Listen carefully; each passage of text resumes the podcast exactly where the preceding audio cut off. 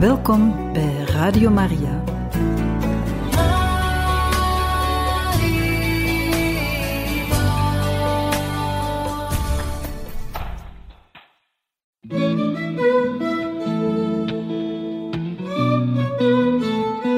De kerk spreekt.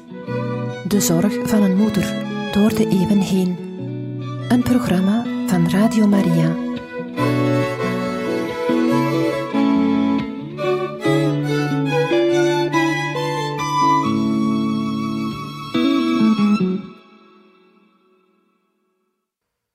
Welkom, beste luisteraars van Radio Maria, bij het programma De Kerk Spreekt. Wij lezen u verder voor uit de encycliek Veritatis Splendor over kerkelijke moraalleer, geschreven door de heilige paus Johannes Paulus II op 6 augustus 1993. We waren ondertussen beland in het tweede hoofdstuk. Dat begint met een passage uit de brief van de heilige apostel Paulus aan de christenen van Rome hoofdstuk 12, vers 2. Past u niet aan de denktrand van deze wereld aan. De kerk en de beoordeling van enkele tendensen van de tegenwoordige moraaltheologie. Na het beluisteren van de inleiding hebben we artikel 1, vrijheid en wet, en daaronder paragraaf 1 behandeld. Maar van de boom van kennis van goed en kwaad mag je niet eten. Wij gaan verder met paragraaf 2. Uit het boek Jezus Sirach, hoofdstuk 15, vers 14. God wilde de mens aan de macht van de eigen beslissing overlaten. Met de woorden uit het boek Jezus Sirach verheldert Vaticanum II de ware vrijheid, die een verheven kenmerk van het beeld van God in de mens is. God wilde namelijk de mens aan de macht van de eigen beslissing overlaten, zodat hij zijn schepper uit eigen initiatief zoekt en vrij tot volle en zalige voleinding in eenheid met God komt. Een citaat uit Gaudium et Spes. Deze woorden wijzen op de wonderbare diepte van de deelname aan de goddelijke heerschappij, waartoe de mens geroepen is. Ze geven aan dat de heerschappij van de mens in zekere zin aan de mens zelf raakt. Dat is een gezichtspunt dat in het theologische denken over de als een soort van koningschap uitgelegde menselijke vrijheid steeds naar voren gehaald wordt. Zo schrijft bijvoorbeeld de heilige Gregorius van Nyssa. De geest openbaart zijn koningschap en zijn voortreffelijkheid, daarin dat hij zonder iemand als Heer te kennen, vrij alles doet. Hij regeert zichzelf naar eigen believen autocratisch. Wie anders past dat dan een koning? Zo werd de menselijke natuur die geschapen is om heersers over de andere schepsels te zijn, door de gelijkenis met de Heer van het heelal, voor een levend beeld bestemd, dat deel heeft aan de waardigheid en aan de naam van het oerbeeld.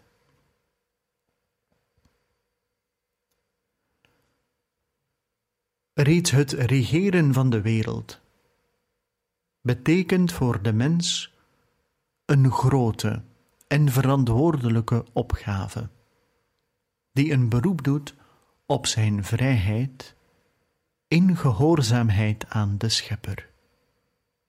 Zo horen we in het boek Genesis, bevolkt de aarde en onderwerpt haar aan u. Vanuit dit standpunt heeft de individuele mens, zoals ook de menselijke gemeenschap, recht op een passende autonomie.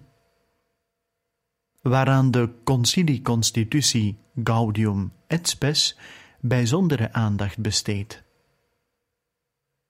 Dit is de autonomie van de aardse werkelijkheden, hetgeen betekent dat de geschapen dingen en ook de samenlevingen hun eigen wetten en waarden hebben, die de mens stap voor stap moet leren kennen, gebruiken en vormen.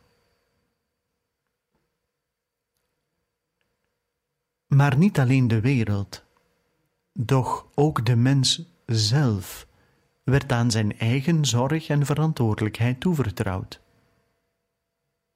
God heeft hem de macht over de eigen beslissing gelaten, zodat hij zijn schepper zoekt en uit eigen beweging tot volmaaktheid komt. Tot volmaaktheid komen betekent persoonlijk, in zichzelf, deze volmaaktheid opbouwen. Want, zoals de mens, wanneer hij de wereld regeert, haar vormt naar zijn verstand en wil, zo bevestigt, ontwikkelt en verstevigt de mens in zichzelf de gelijkenis met God, wanneer hij zedelijk goede handelingen voltrekt.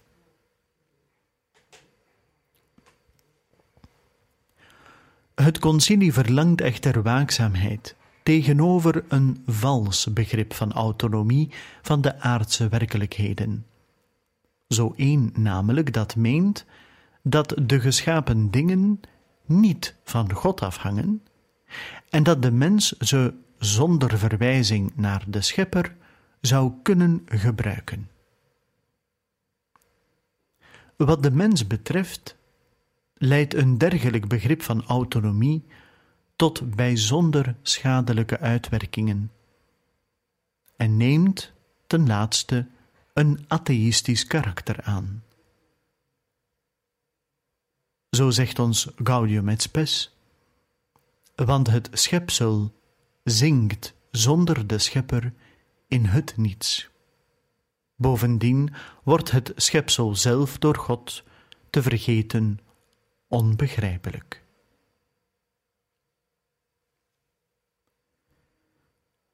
De leer van het concilie onderstreept enerzijds de actieve rol van het menselijke verstand bij de ontdekking en de toepassing van de zedenwet. Het zedelijk leven vereist creativiteit en inventiviteit, die de persoon eigen zijn, en die bron en grond van haar vrije en bewuste handelen zijn. Anderzijds put het verstand zijn waarheid en zijn gezag uit de eeuwige wet, die niets anders dan de goddelijke wijsheid is. Aan het zedelijk leven ligt dus het principe van een juiste autonomie van de mens als persoon en subject van zijn handelingen ten grondslag. De zedenwet komt van God en vindt altijd in hem haar bron. Op grond van het natuurlijke verstand dat uit de goddelijke wijsheid voortkomt, is zij tegelijk de wet die de mens eigen is. De natuurwet is namelijk, zoals we gezien hebben, niets anders dan het ons door God ingegeven licht van het verstand. Dankzij dat licht weten wij wat we moeten doen en wat we moeten vermijden.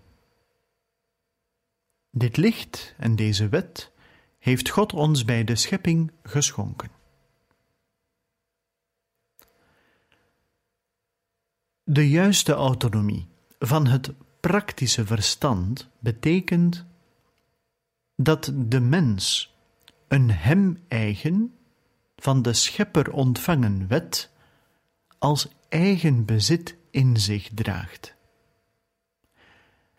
Maar de autonomie van het verstand kan niet de schepping van de waarden en van de zedelijke normen door dat verstand betekenen. Zou een dergelijke autonomie inhouden dat men de deelname van het praktische verstand aan de wijsheid van de goddelijke schepper en wetgever logend, of dat men een pleidooi houdt voor een creatieve vrijheid, die al naar gelang van de historische omstandigheden of van de verscheidenheid van culturen zedelijke normen voortbrengt, dan zou een in dier voege bevochten autonomie in tegenstelling zijn met de leer van de kerk over de waarheid van de mens. Ze zou de dood betekenen van de ware vrijheid. Maar van de boom van de kennis van goed en kwaad zult ge niet eten, want als je daarvan eet, zul je sterven.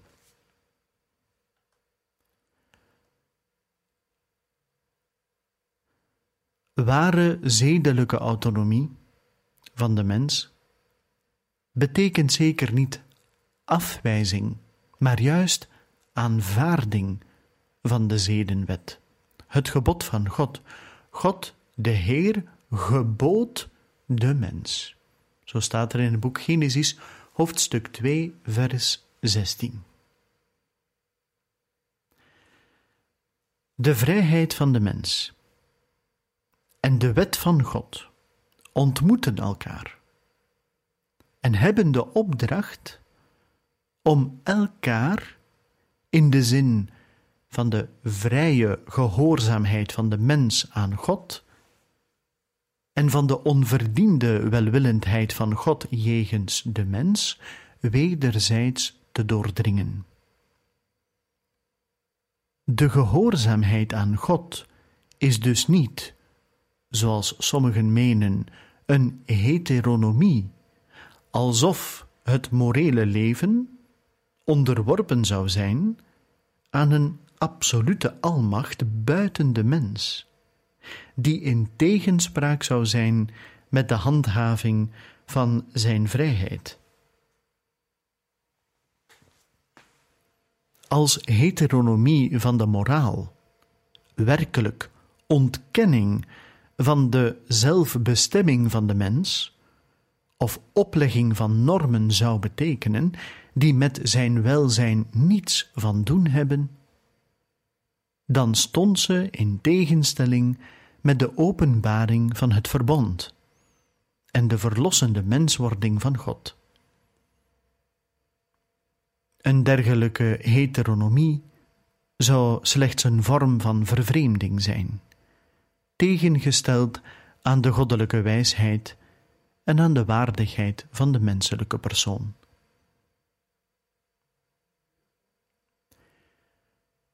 Sommigen spreken met recht van theonomie of gedeelde theonomie, omdat de vrije gehoorzaamheid van de mens aan de wet van God inderdaad de deelneming van het menselijke verstand en van de menselijke wil aan de wijsheid en de voorzienigheid van God insluit. Wanneer God de mens verbiedt om van de boom van kennis van goed en kwaad te eten, dan zegt hij daarmee dat de mens deze kennis niet als een oorspronkelijk eigen bezit in zich draagt, maar alleen door het licht van het natuurlijke verstand en van de goddelijke openbaring, die hem de eisen en oproepen van de eeuwige wijsheid bekendmaken, daaraan deel heeft. De wet moet als uitdrukking van de goddelijke wijsheid begrepen worden. Terwijl de vrijheid zich daaraan onderwerpt, onderwerpt zij zich aan de waarheid van de schepping. En daarom moeten wij in de vrijheid van de menselijke persoon het beeld en de nabijheid van God erkennen, die in allen aanwezig is. Tegelijk moeten we de majesteit van de God van het Al beleiden en de heiligheid van de wet van de oneindig transcendente God vereren.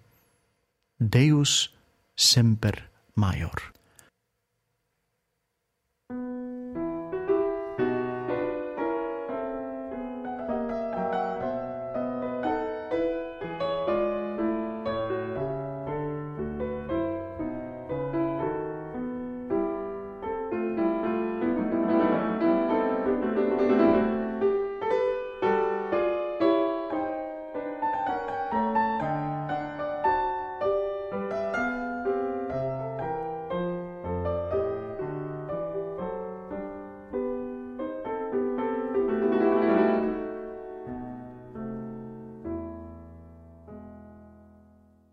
Paragraaf 3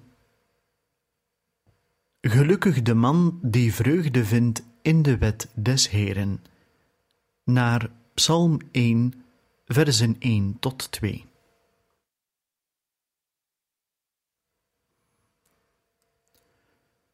De naar de wil van God gevormde vrijheid van de mens wordt door zijn gehoorzaamheid aan de wet van God. Niet alleen niet ontkend, maar blijft pas door deze gehoorzaamheid in de waarheid en beantwoordt aan de waardigheid van de mens, zoals het concilie openlijk schrijft. De waardigheid van de mens vereist dus dat hij handelt in welbewuste en vrije keuze. Persoonlijk namelijk van binnenuit bewogen en aangezet, en niet door een blinde innerlijke drift of door louter uiterlijke dwang. Een dergelijke waardigheid verkrijgt de mens wanneer hij zich vrijmaakt uit elke gevangenschap van de passies. Zijn einddoel nastreeft in een vrije keuze van het goede en zich verzekert van de juiste hulpmiddelen, daadwerkelijk en in naarstige toeleg. Zo zegt Gaudium et Spes.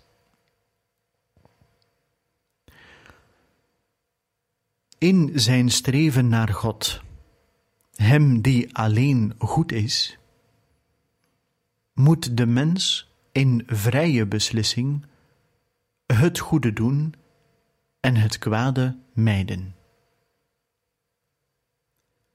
Maar daartoe moet de mens het goede van het kwade kunnen onderscheiden. En dat gebeurt vooral dankzij het licht van het natuurlijke verstand weerschijn van de schittering van Gods aangezicht in de mens. In deze zin schrijft de heilige Thomas in een commentaar op een vers van de vierde psalm nadat de psalmist gezegd heeft: Breng het juiste offer. Uit Psalm 4, vers 6 breng het juiste offer, alsof mensen hem naar de werken van de gerechtigheid gevraagd hadden, voegt hij eraan toe: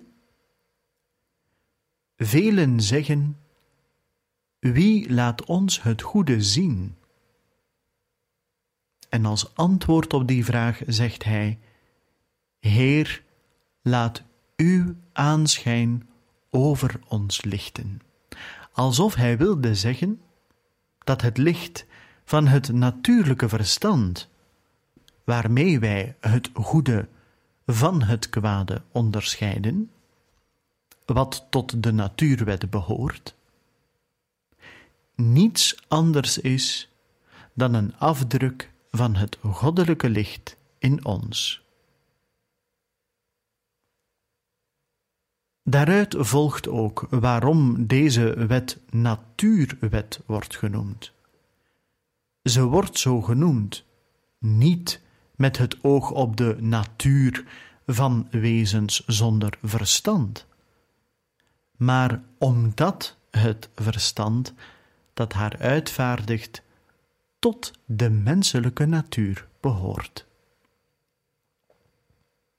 Zo zegt ons de catechismus van de katholieke kerk.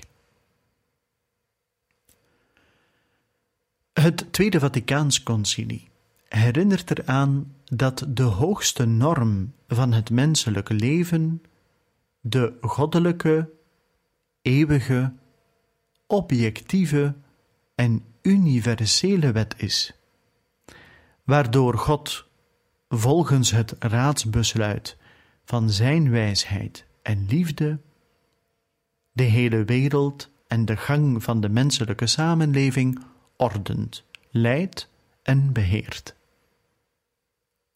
God maakt de mens deelachtig aan Zijn wet, zodat de mens onder de zachte leiding van de goddelijke voorzienigheid de onveranderlijke waarheid steeds beter kan leren kennen. Een citaat uit Dignitatis Humanae. Het concilie verwijst naar de klassieke leer over de eeuwige wet van God. De heilige Augustinus definieert haar als het verstand of de wil van God die gebiedt om de natuurlijke orde in acht te nemen en verbiedt om haar te verstoren. De heilige Thomas vereenzelvigt haar met het plan van de goddelijke wijsheid die alles beweegt naar het geboden doel.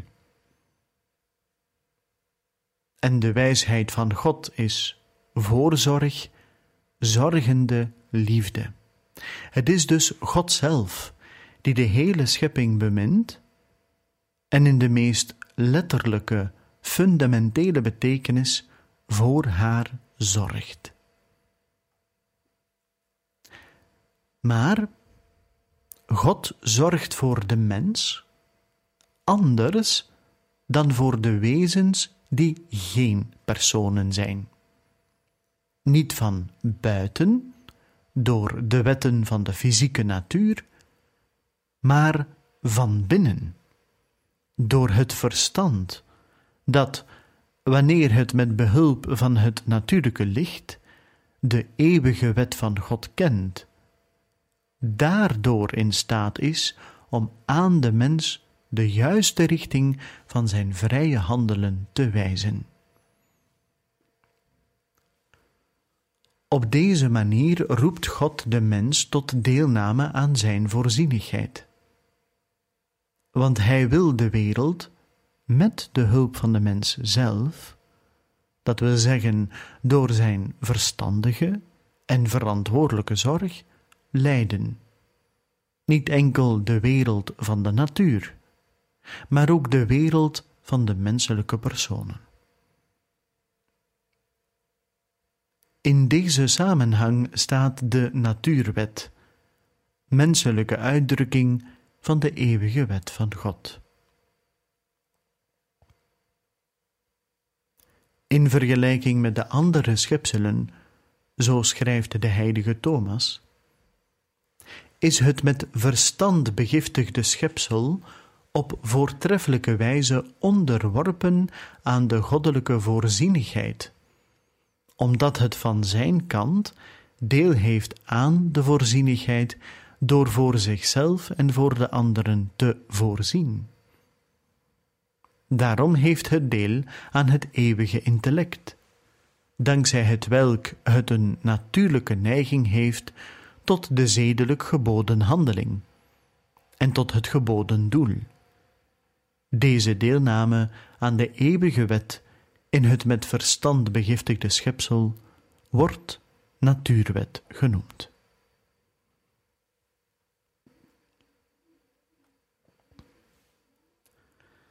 De kerk heeft zich vaak beroepen op de leer van Sint Thomas over de natuurwet en haar in haar moraalverkondiging opgenomen. Zo heeft onze voorganger, Leo XIII, de ingeschapen onderschikking van het menselijk verstand en van de menselijke wil aan Gods wijsheid en wet op de voorgrond geplaatst. Nadat hij uiteengezet heeft dat de natuurwet in de harten van de afzonderlijke mensen geschreven en gebeiteld is, daar zij het menselijke verstand zelf is, waar het ons gebiedt het goede te doen en ons verbiedt om te zondigen. Zo verwijst Leo XIII naar het hogere intellect van de goddelijke wetgever. Maar dit voorschrift van het menselijk verstand zou geen kracht van wet hebben als het niet de stem en de uitleg van een hoger verstand was, waaraan onze geest en onze vrijheid zich moeten onderwerpen.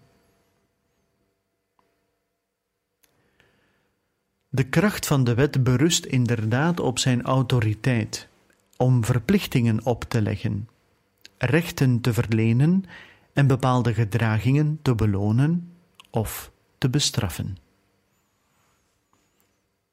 Dat alles zou in de mens niet aanwezig zijn als hij zelf als opperste wetgever zich de norm voor zijn handelen zou stellen. En hij zegt afsluitend: Daaruit volgt dat de natuurwet de eeuwige wet zelf is, die hun is ingeplant, die het verstand gebruiken, en die hen voert tot het verschuldigde handelen en het verschuldigde doel. Dit is het eeuwige intellect van de Schepper zelf en van de God die de hele wereld regeert.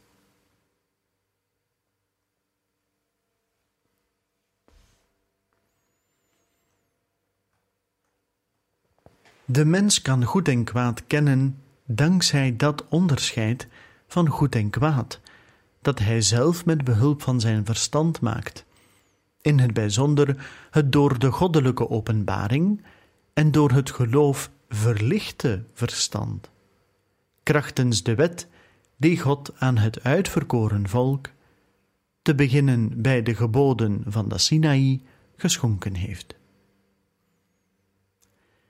Israël was ertoe geroepen de wet van God als bijzonder geschenk en teken van de uitverkiezing en van het goddelijk verbond, en tegelijk als garantie voor de zegen van God te ontvangen en te beleven. Zo kon Mozes zich tot de zonen van Israël wenden en hun vragen, zoals we lezen in het boek Deuteronomium, hoofdstuk 4, versen 7 tot en met 8.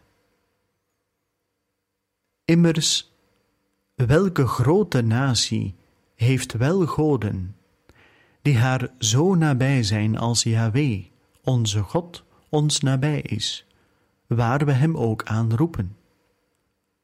Of welke grote natie bezit wel wetten en rechtsnormen die zo doelmatig zijn als alles in deze instructie die ik u vandaag voorleg?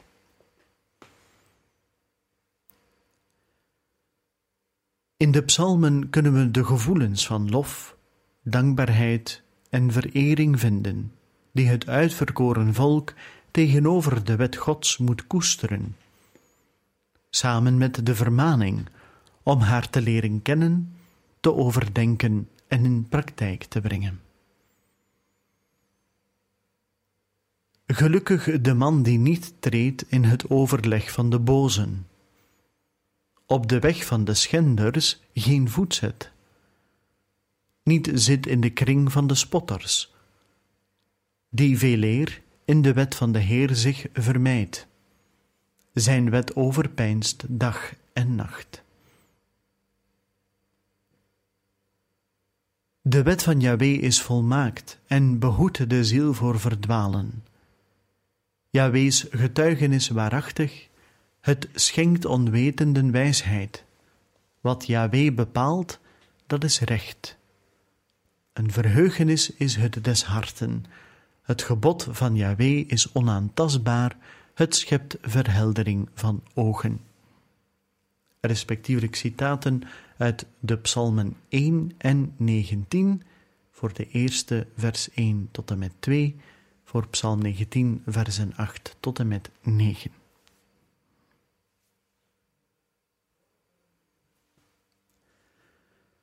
De kerk ontvangt met dankbaarheid het hele goed van de openbaring en hoedt het met liefde en behandelt het met religieus respect terwijl zij door de authentieke uitleg van de wet Gods in het licht van het evangelie haar zending vervult.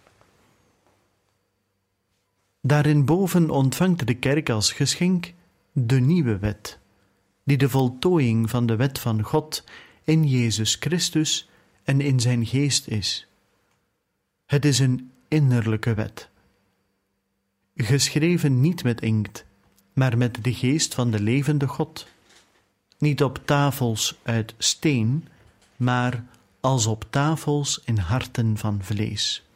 Zo lezen we in de tweede brief van de heilige apostel Paulus aan de christenen van Korinthe, hoofdstuk 3, vers 3. Een wet van de volmaaktheid en de vrijheid het is de wet van de geest van het leven in Christus Jezus. Naar de brief van de heilige apostel Paulus aan de christenen van Rome, hoofdstuk 8, vers 2.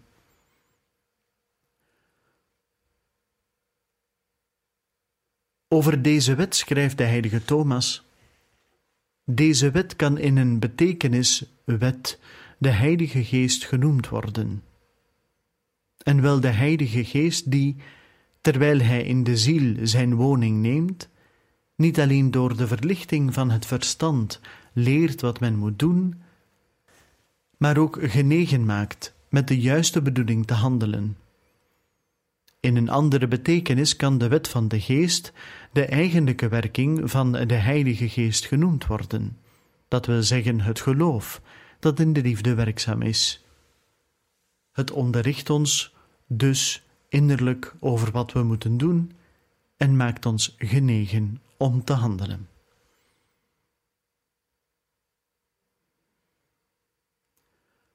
Ook al is het in het moraal-theologische onderzoek de gewoonte, de positieve of geopenbaarde wet van God te onderscheiden van de natuurwet en in het heilsplan de oude wet van de nieuwe, dan mag men toch niet vergeten dat deze en andere nuttige onderscheiden steeds betrekking hebben op de wet, waarvan de auteur een en dezelfde God is, zoals de ontvanger van deze wet de mens is. De verschillende manieren waarop God zich in de geschiedenis ontfermt over de mens en over de wereld, sluiten niet alleen elkaar niet uit, maar in tegendeel, ze steunen en doordringen elkaar wederzijds. Ze hebben allemaal hun bron en hun einddoel in het wijze en liefdevolle eeuwige plan, waarmee God de mensen ertoe bestemt om gelijkvormig te worden met het beeld van zijn Zoon. In dit plan ligt geen bedreiging voor de ware vrijheid van de mens. Integendeel, de aanvaarding van dit plan is de enige weg naar bevestiging van de vrijheid.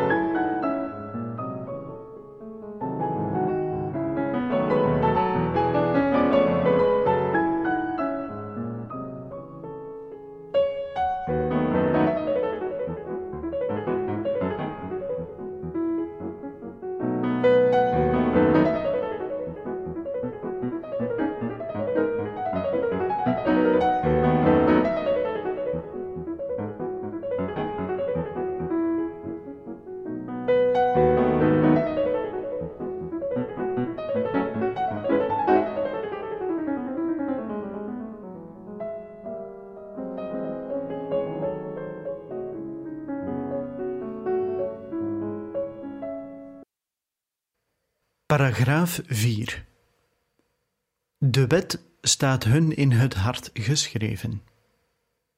Uit de brieven van de heilige apostel Paulus aan de christenen van Rome, hoofdstuk 2, vers 15.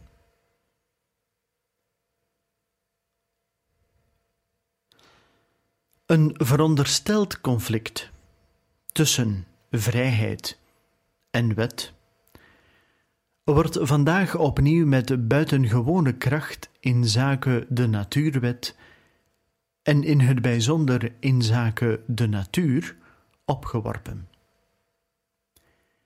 In feite hebben de debatten over natuur en vrijheid de geschiedenis van het morele denken altijd begeleid. In de Renaissance en Reformatie hebben deze debatten gevlamd, zoals men uit de leer van het Concilie van Trente kan opmaken.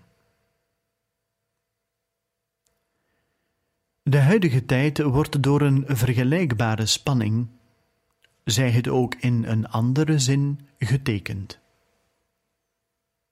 De voorliefde voor de empirische observatie, de methoden van wetenschappelijke objectivering, de technische vooruitgang, bepaalde vormen van liberalisme hebben de twee begrippen tegenover elkaar gesteld, alsof de dialectiek, zowel niet het conflict, tussen vrijheid en natuur, een structureel element van de menselijke geschiedenis zou zijn.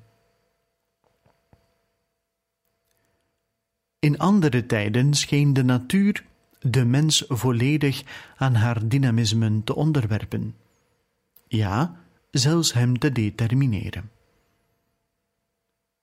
Vandaag nog schijnen voor velen de ruimte-tijdcoördinaten van de zintuigelijk waarneembare wereld, de fysisch-chemische constanten, de lichamelijke en psychische impulsen en de maatschappelijke druk de enige werkelijk beslissende factoren van de menselijke werkelijkheid te zijn.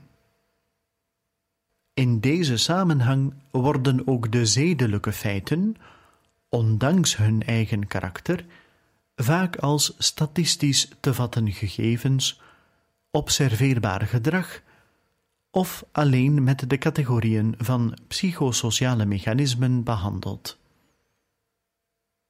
En zo kunnen sommige ethici, die beroepshalve zich moeten wijden aan het onderzoek van handelingen en opvattingen van de mens, in de verleiding zijn om hun kennis, ja, zelfs hun voorschriften te meten aan een statistische uitwerking van het concrete menselijke gedrag en aan de meningen van de meerderheid bij morele kwesties.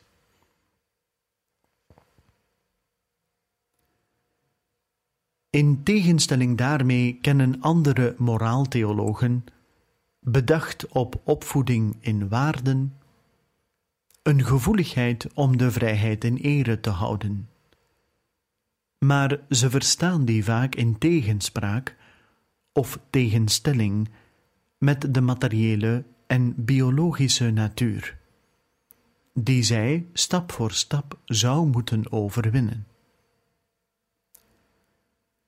Daarbij stemmen verschillende opvattingen erin overeen dat zij de eigen dimensie van de natuur vergeten en haar integriteit loochenen. Voor sommigen wordt de natuur nog slechts tot ruw materiaal voor het menselijk handelen en kunnen gereduceerd. Zij zou door de vrijheid fundamenteel omgevormd ja overwonnen moeten worden, aangezien zij begrenzing en ontkenning van de vrijheid betekent. Anderen menen dat bij het mateloze toenemen van de macht van de mens, respectievelijk de uitbreiding van zijn vrijheid, de economische maatschappelijke, culturele en ook zedelijke waarden zouden ontstaan. Natuur zou dan betekenen alles wat in de mens en in de wereld buiten de vrijheid gevestigd is. Deze natuur zou dan in de eerste plaats het menselijk lichaam omvatten, zijn gesteldheid en zijn impulsen. In tegenstelling met dit fysieke gegeven zou al wat geconstrueerd is staan, dus de cultuur als werk en product van de vrijheid.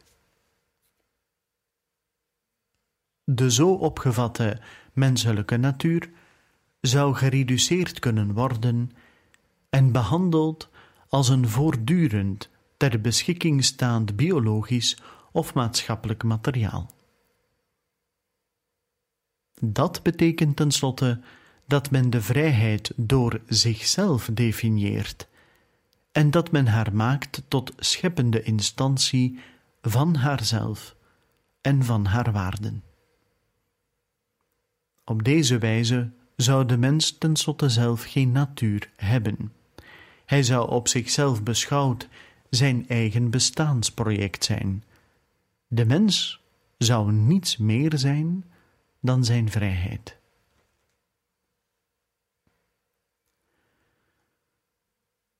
In deze samenhang werd tegen de traditionele opvatting van de natuurwet de tegenwerping van het fysicisme en naturalisme gemaakt.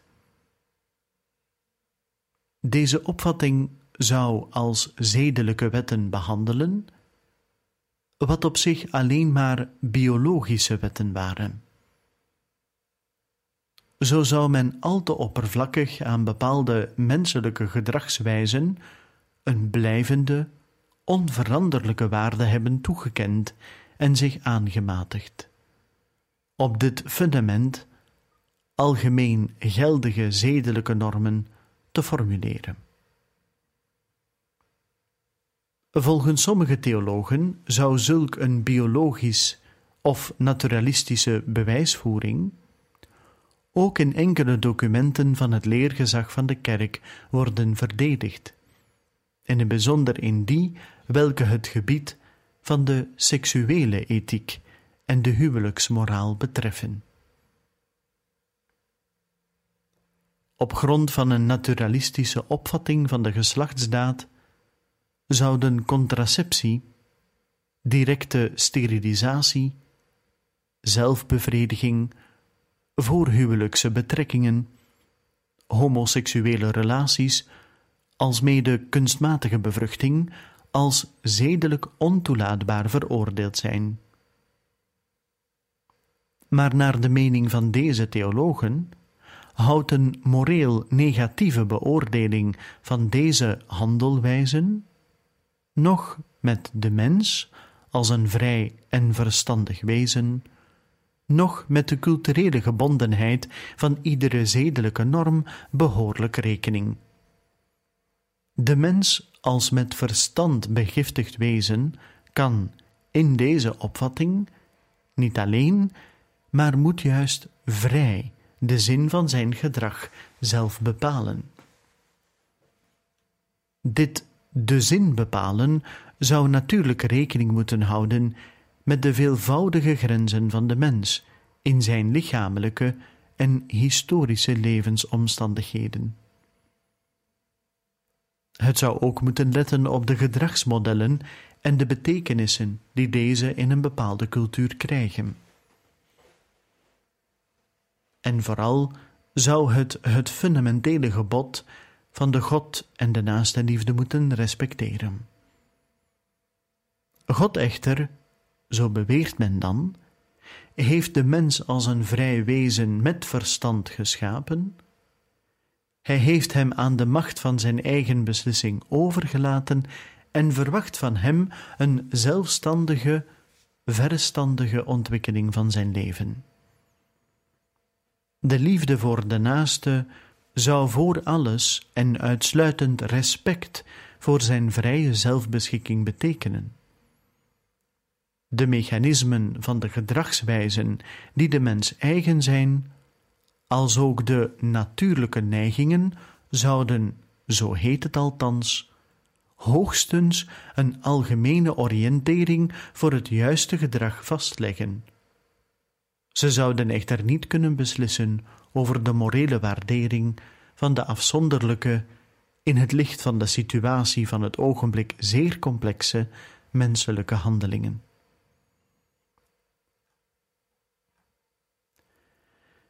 Tegenover een dergelijke interpretatie moet de ware betrekking die tussen vrijheid en menselijke natuur bestaat, opnieuw aandachtig overgebracht worden. In het bijzonder welke plaats het menselijk lichaam in de op de natuurwet betrekking hebbende kwesties inneemt.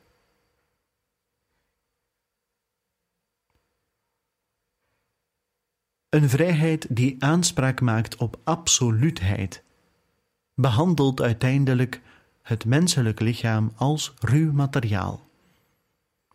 Ontbloot van iedere zin en morele waarde, zolang de vrijheid het niet heeft ingebracht in haar project.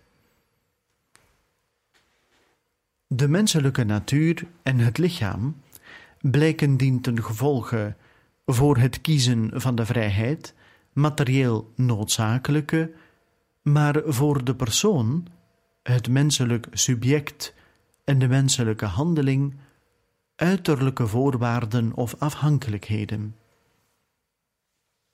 Hun dynamismen zouden geen referentiepunten voor de morele beslissing kunnen bieden, aangezien het doel van deze neigingen enkel fysieke bona, door sommigen voor zedelijke bona genoemd zouden zijn.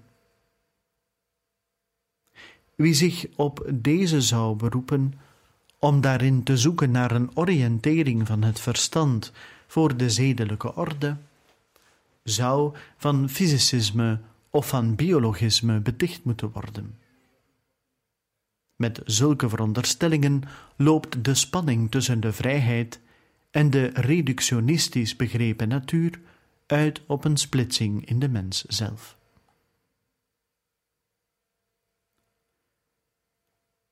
Deze morele theorie komt niet overeen met de waarheid over de mens en zijn vrijheid. Ze is in tegenspraak met de leer van de kerk over de eenheid van het menselijke zijn, welker met verstand begiftigde ziel per se et essentialiter vorm van het lichaam is. De geestelijke en onsterfelijke ziel is het eenheidsbeginsel van het menselijke zijn. Zij is het waardoor dit als persoon een geheel, één geheel, corpore et anima unus is. Deze definities wijzen er niet alleen op dat ook het lichaam, waaraan de opstanding beloofd is, aan de heerlijkheid zal deel hebben. Ze herinneren er ook aan dat het verstand en de vrije wil in alle lichamelijke en zintuigelijke krachten ingebonden zijn. De menselijke persoon is, inclusief het lichaam, helemaal aan zichzelf overgedragen. En juist in de eenheid van ziel en lichaam is zij het subject van haar zedelijke daden.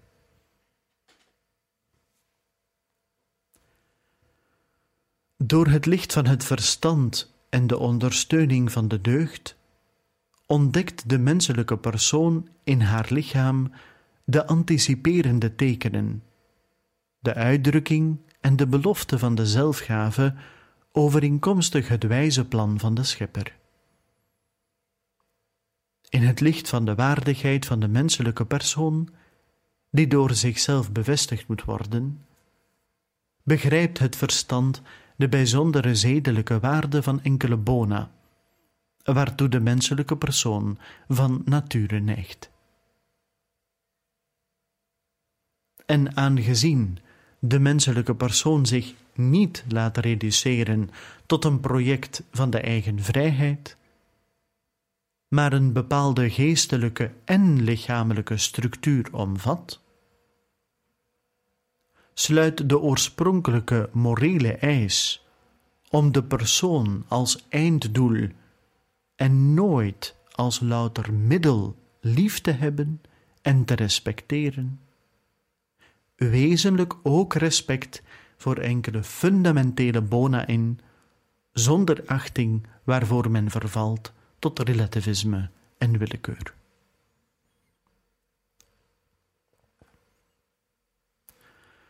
Een leer die de zedelijke handeling scheidt van de lichamelijke dimensies van haar uitvoering, staat in tegenstelling met de leer van de Heilige Schrift en de overlevering.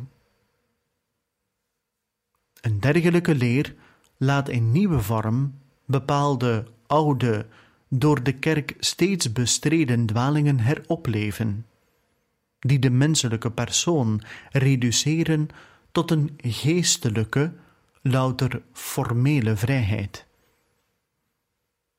Deze reductie miskent de morele betekenis van het lichaam en van de op dat lichaam betrekking hebbende gedragswijzen.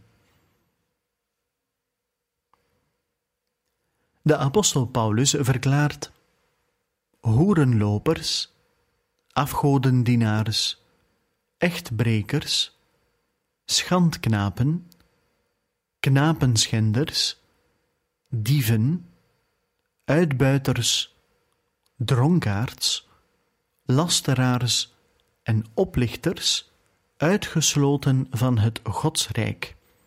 Dat lezen we in de eerste brief aan de christenen van Korinthe, hoofdstuk 6, versen 9 tot en met 10. Deze vervloeking, die door het concilie van Trente bevestigd werd, somt als doodzonden of infame praktijken enkele specifieke gedragswijzen op, welker opzettelijke aanname de gelovigen belet om te delen in het eeuwige erfgoed. Inderdaad zijn lichaam en ziel onscheidbaar.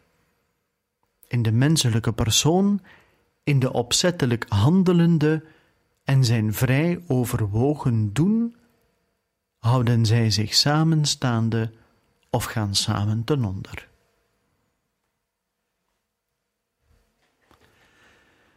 Men kan nu de ware betekenis van de natuurwet begrijpen. Ze heeft betrekking op de eigenlijke en oorspronkelijke natuur van de mens, op de natuur van de menselijke persoon, die de persoon zelf in de eenheid van ziel en lichaam is, in de eenheid van haar zowel geestelijke als biologische voorkeuren en van alle andere specifieke kenmerken die voor het bereiken van haar eindbestemming noodzakelijk zijn.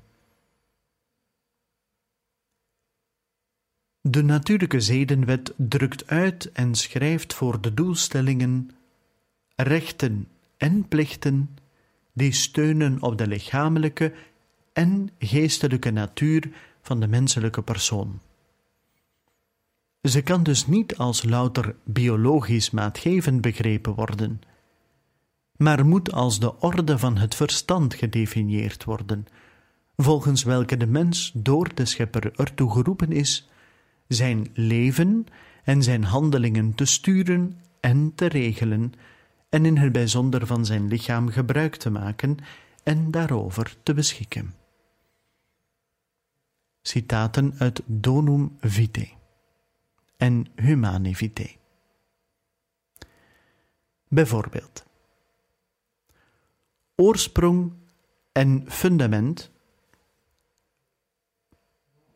van de verplichting tot absolute respect voor het menselijk leven liggen in de waardigheid die de menselijke persoon eigen is, en niet louter in de natuurlijke neiging om zijn fysieke leven te behouden. Zo wint het menselijke leven, dat een fundamenteel goed van de mens is, aan morele betekenis met het oog op het welzijn van de persoon, dat zich steeds omwille van zichzelf moet doen gelden.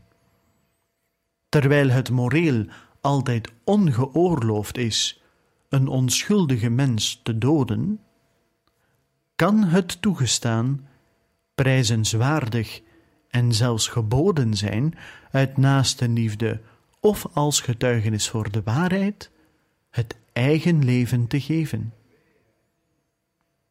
In werkelijkheid kan men alleen met betrekking tot de menselijke persoon in haar verenigde totaliteit, dat wil zeggen als ziel die zich uitdrukt in het lichaam, en als lichaam dat van een onsterfelijke geest doorleefd wordt, de specifieke menselijke betekenis van het lichaam begrijpen.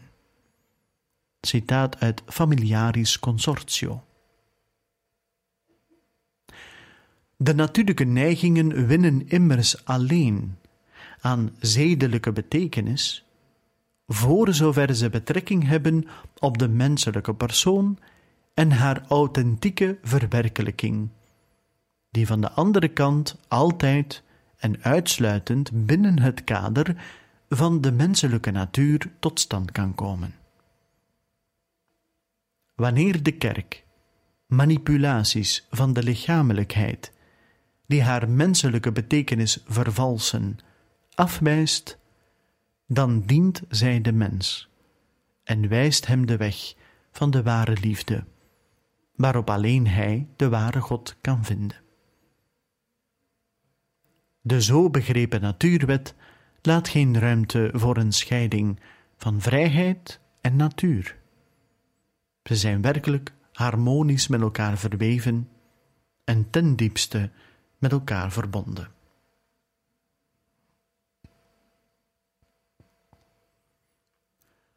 En zo, dierbare luisteraars, zijn we aan het einde gekomen van deze aflevering van De Kerk Spreekt.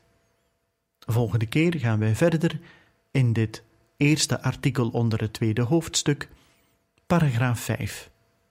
Aanvankelijk was dat niet zo. En dan lezen wij u verder voor uit de encycliek Veritatis Splendor over kerkelijke moraalleer, geschreven door de heilige paus Johannes Paulus II op 6 augustus 1993.